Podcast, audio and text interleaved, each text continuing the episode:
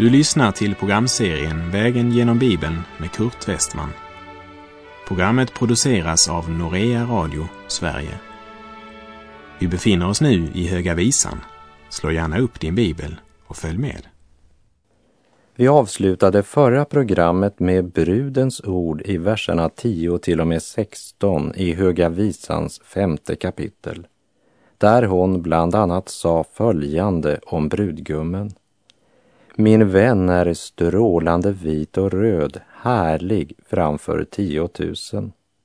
Och att hans mun är idel sötma, hela hans väsende är ljuvlighet. Sådan är min vän, ja, sådan är min älskade, ni Jerusalems döttrar. Och då svarar kvinnorna i Höga visan 5, 17. Vart har han då gått, din vän, du skönaste bland kvinnor? Vart har din vän tagit vägen? Låt oss hjälpa dig att söka honom. Vi minns från vers 7 i kapitel 5 att väktarna som bruden mötte där de gick omkring i staden inte kunde hjälpa henne att finna brudgummen. Men inte nog med att de inte kunde hjälpa en verkligt sökande själ, men de gjorde brudens sökande verkligt svårt genom att de slog henne, de sårade henne och ryckte av henne hennes mantel. Och tänk, det var de så kallade väktarna på murarna som gjorde det. Också idag finns det många som menar sig själva vara väktare och med stor självsäkerhet svingar svärdet mot en stackars sökande själ. Det är till synes så oerhört samvetsgranna i sin uppgift, så välrustade med all sin teoretiska kunskap och de är av många mycket väl ansedda. De är ju väktarna, vars auktoritet så många gömmer sig bak. De vet så mycket. De kan så mycket. Ja, de kan nästan allt. Utom att hjälpa en sökande, hungrande själ till levande och personlig kontakt med Gud.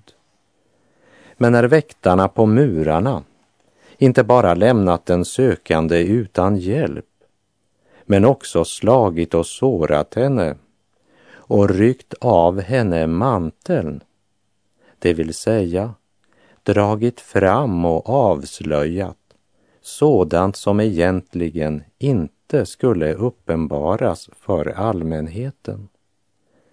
Då vänder sig bruden till Jerusalems döttrar. Vi skulle kunna säga hon vänder sig till fotfolket, gräsroten, de vanliga människorna som hade växt upp i Jerusalem och dess omgivning.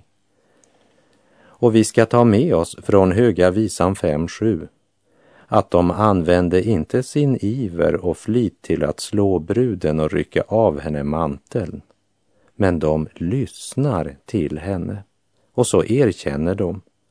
Vi vet inte heller vart han tagit vägen, men vi vill gärna hjälpa dig att söka. Hur ödmjuka, barmhärtiga och modiga var väl inte dessa Jerusalems döttrar?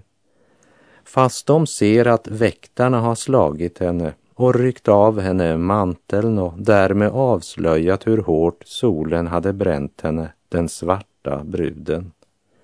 Ändå både vill och vågar Jerusalems döttrar att hjälpa henne.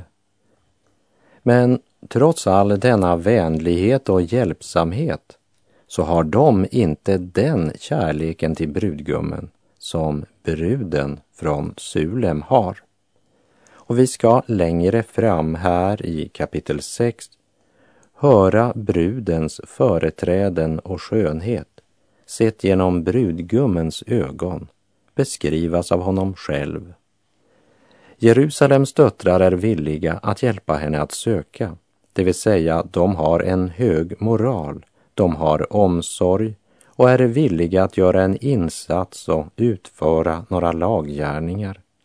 Men vi ska lägga märke till att de vet ännu mindre än bruden om var man ska söka brudgummen. Men vi anar att även om de inte själva vet var man finner honom, så är de inte kyniska som väktarna, inte heller skeptiska mot den sårade, sökande bruden. För hon har vittnat om brudgummen på ett sådant sätt att de gärna själva vill se honom med egna ögon.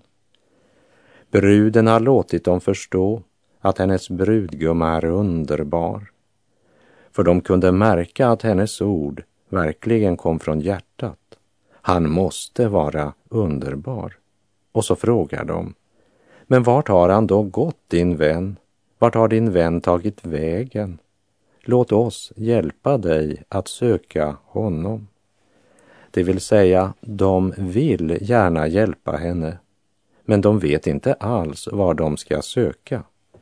Men hör nu vad bruden svarar, Höga visan 6, vers 1. Min vän har gått ned till sin lustgård, till sina vällukterika blomstersängar för att låta sin jord beta i lustgårdarna och för att plocka liljor. Hon har lärt känna honom så pass väl att när han blev borta för henne anar hon var hon bör söka för att finna honom. Profeten Jesaja uppmanar oss i kapitel 55 att söka Herren medan han låter sig finnas. Och i femte Moseboks fjärde kapitel, där Herren talar till sitt folk genom sin tjänare Mose, säger han bland annat, femte Mosebok 4.29. Men när ni där söker Herren din Gud, då skall du finna honom om du frågar efter honom av hela ditt hjärta och av hela din själ. Och i det nya testamentet säger Herren Jesus själv i sin bergspredikan Matteus 7, verserna 7 och 8. Bed och ni ska få, sök och ni ska finna, bulta och dörren skall öppnas för er. Ty var och en som ber han får, och den som söker han finner, och för den som bultar skall dörren öppnas. Men vi kan inte söka honom var som helst, men han uppmanar oss att söka honom i Bibeln, Guds ord. Och vi ska inte bara söka honom där, men vi ska förbli där i ordet. Förbli i den fulla visshet som Gud har gett oss genom sitt ord och sin helige Ande.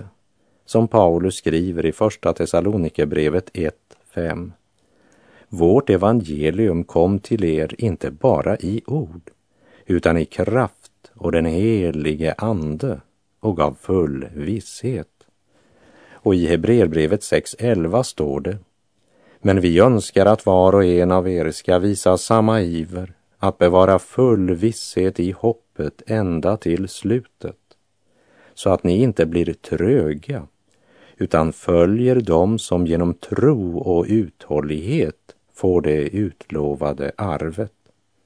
Och hör brudens underbara vittnesbörd i Höga visan 6.2. Och kom ihåg att detta sjunger hon frimodigt innan hon kan se honom med sina lekamliga ögon för hon förtröstar, litar på hans kärlek. Jag är min väns och min vän är min, där han för sin jord i bet bland liljor. Eller som Paulus uttryckte det till de troende i Thessalonike. Vårt evangelium kom till er inte bara i ord utan i kraft och den helige Ande och gav full visshet. Jag är min väns och min vän är min.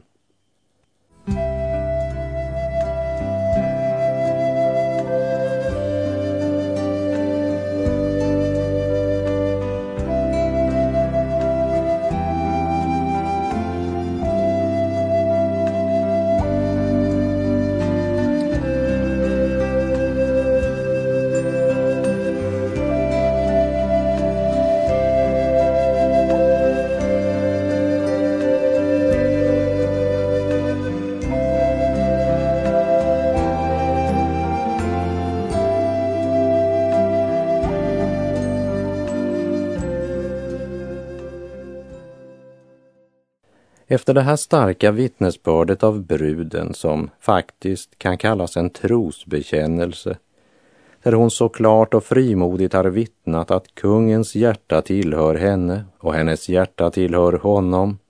Jag är min väns och min vän är min.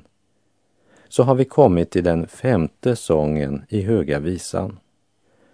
Och det är brudgummen själv som nu uppenbarar sig för den sökande och uttrycker sin kärlek till sin brud.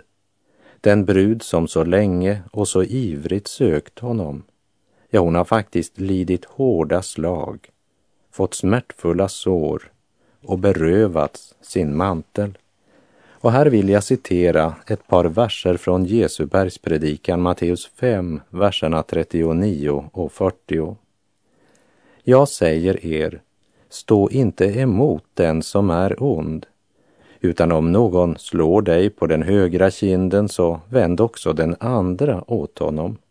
Om någon vill ställa dig inför rätta och ta din livklädnad, låt honom få din mantel också. Och vi minns hur bruden i Höga visan 5.7 sa Väktarna mötte mig där de gick omkring i staden. Det slog mig, det sårade mig och ryckte av mig min mantel väktarna på murarna. Men var bruden föraktad av Jerusalems väktare, slagen, sårad och plundrad av väktare som sökte personlig vinning, så var hon dock högt älskad av brudgummen. Hör brudgummens egna ord i Höga visan 6, verserna 3 till och med 8. Du är skön som Tirsa, min älskade, ljuvlig som Jerusalem, överväldigande som en härskara. Vänd bort ifrån mig dina ögon, ty de har underkuvat mig. Ditt hår är likt en jord av getter som strömmar nedför Gilead. Dina tänder liknar en jord av tackor, nyss uppkomna ur badet, allesammans med tvillingar. Ofruktsam är ingen bland dem Likt ett brustet granatäpple är din kind, där den skymtar genom din slöja. Sextio är drottningarna och åttio bihustrurna och flickorna en otalig skara. Men en enda är hon, min duva, min fromma. Hon, min moders enda. Hon sin fostrarinnas utkårade. När jungfrur ser henne prisar de hennes cell. Drottningar och bihustrur höjer hennes lov. Du är skön som Tirsa, säger brudgummen. Tirsa var en gammal kananeisk konungsstad som intogs av Josua. Den låg i Efraims bergsbygd och var känd för att vara en mycket vacker stad. Vi ska ha klart för oss att Höga visan verkligen är en historisk skildring som återger berättelsen om en brinnande kärlek mellan en man och en kvinna. Samtidigt som denna kärlek är en förebild till förhållandet mellan Herren och hans folk och mellan Kristus och församlingen i det nya testamentet. Och i Karl den XIIs översättning står det faktiskt som en kommentar till Höga visan denna bok innehåller ett samtal mellan Kristus och bruden. Och som rubrik över kapitel 6 står det Församlingen prisar Kristi välgärningar. Och den dimensionen är det viktigt att ha med oss i våra tankar när vi ska vandra de sista stegen genom Höga visan. Att betrakta det både som den historiska skildring det är av en varm kärlek mellan en man och en kvinna. Och samtidigt måste Guds helige ande få uppenbara den rika andliga illustrationen som ligger gömd i denna samling sånger som vi kallar Höga visan. Vi läser kapitel 6, vers 9. Vem är hon som där blickar fram lik en morgonrodnad skön som månen, strålande som solen, överväldigande som en härskara. Skön som månen. Här vill jag repetera vad vi läste om solen och månen när vi vandrade genom Bibelns första bok, Första Mosebok.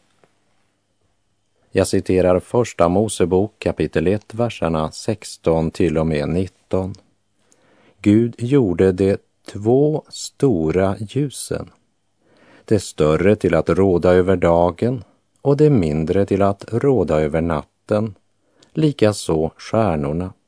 Och Gud satte dem på himmelens fäste till att lysa över jorden och till att råda över dagen och över natten och till att skilja ljuset från mörkret. På natten är alltså jordens ljus begränsat till det återsken av solen som månen ger när den står i en rätt position i förhållande till solen. Men månen har inget eget ljus. Därför är månen en god bild på den troende eller på Guds församling här på jord.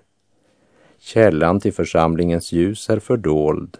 Världen ser honom inte, men församlingen ser honom. Och när församlingen står i ett rätt förhållande, vi kan säga i en rätt position till Kristus, så kastar den sitt ljus tillbaka på den värld som är i mörker.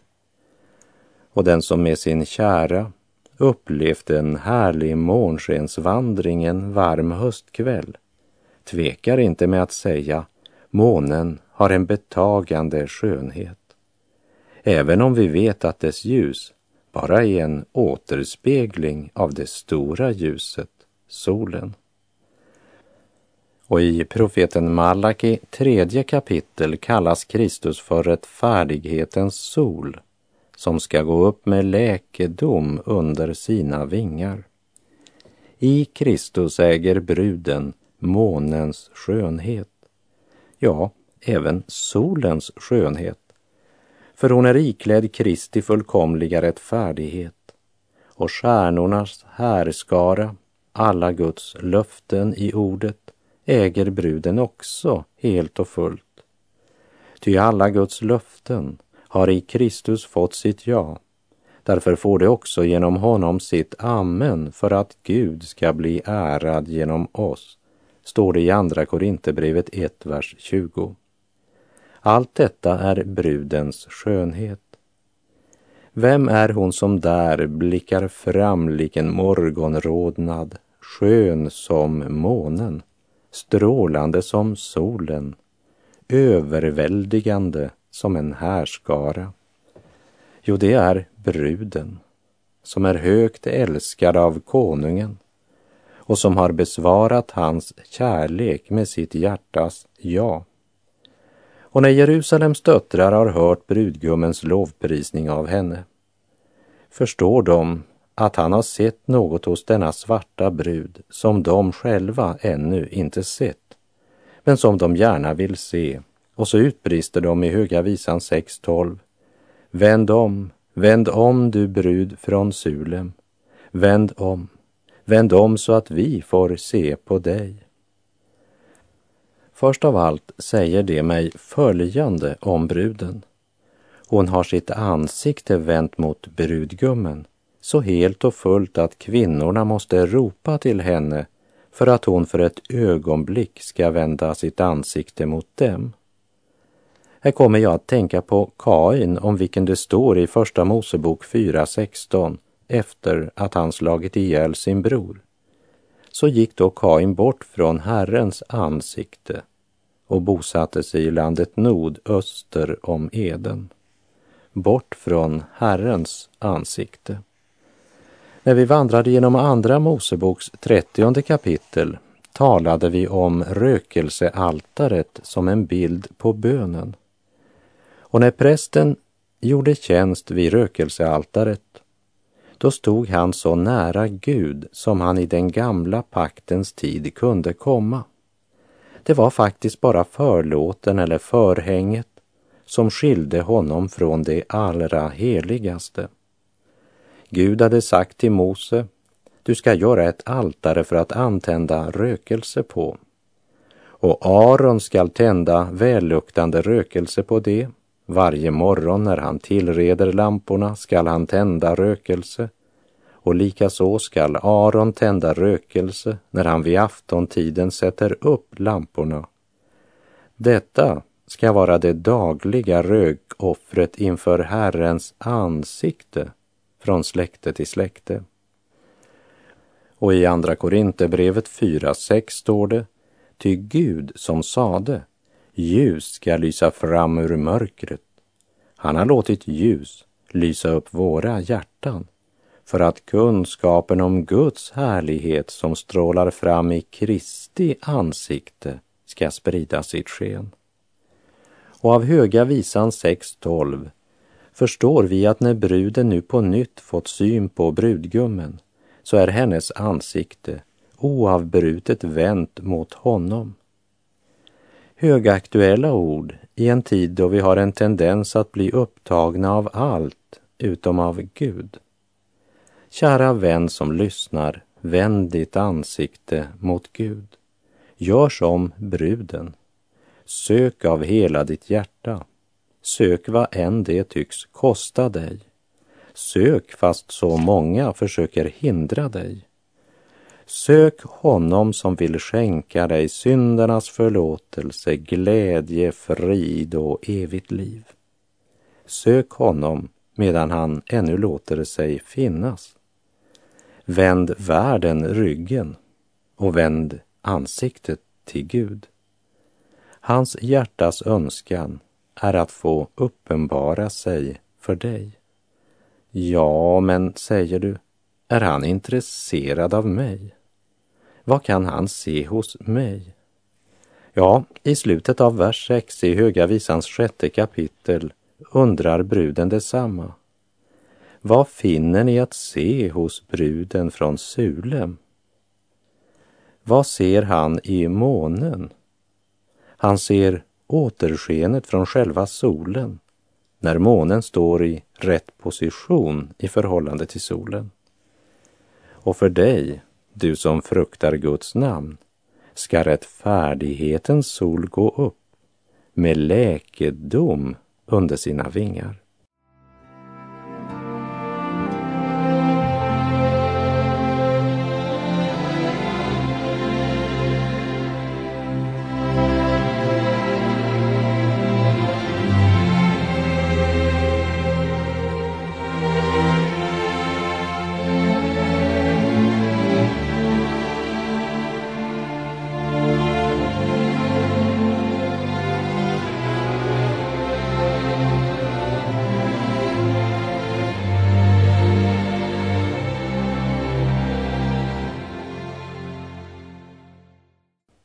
Som en avslutning på vår vandring genom Höga visan så ska vi bara se på två detaljer i kapitel 8.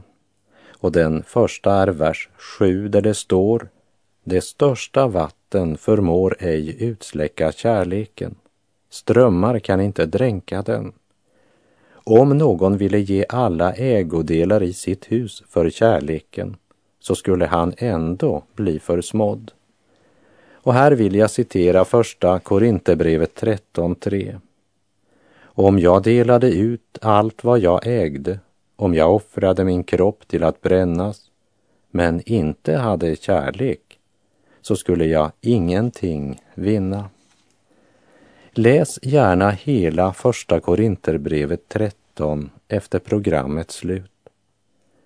Den andra detaljen vi ska lägga märke till är vad som sägs i Höga visan 8 8, verserna 11 och 12. En vingård ägde Salomo i Bal Hamon. Den vingården lämnade han åt väktare. Tusen siklar silver var kunde de hämta ur dess frukt. Men min vingård, den har jag själv i min vård. Du Salomo må ta dina tusen och tvåhundra må de få som vaktar dess frukt. Salomo står som en symbol för Kristus och bruden i den kristna församlingen som består av både judar och de hedningar som tillhör Kristus genom tron. Först var vingården under sin ursprungliga väktare som var nationen Israel. Sedan gavs uppdraget åt de judar och hedningar som genom tron tog emot Jesus och fick Guds helige ande. Men djupast sett så är det ägaren själv som vakar över sin vingård.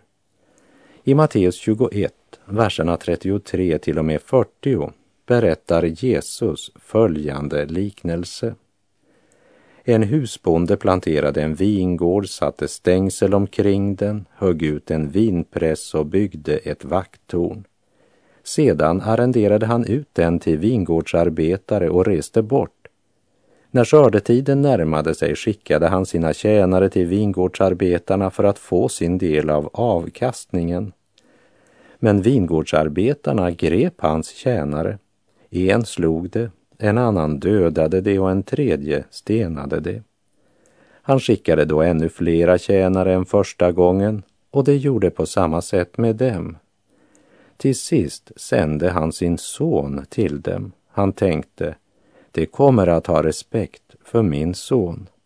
Men när vingårdsarbetarna fick se sonen sade de till varandra, här har vi arvtagaren. Kom, låt oss döda honom så får vi hans arv. Och de tog fast honom, förde ut honom ur vingården och dödade honom. När nu vingårdens herre kommer, vad ska han då göra med dessa vingårdsarbetare? Vi är kallade av Gud till att arbeta i hans vingård. Vi är förvaltare av tid, kraft och egendom och vi ska en dag avlägga räkenskap för vår förvaltning. Men min vingård, den har jag själv i min vård.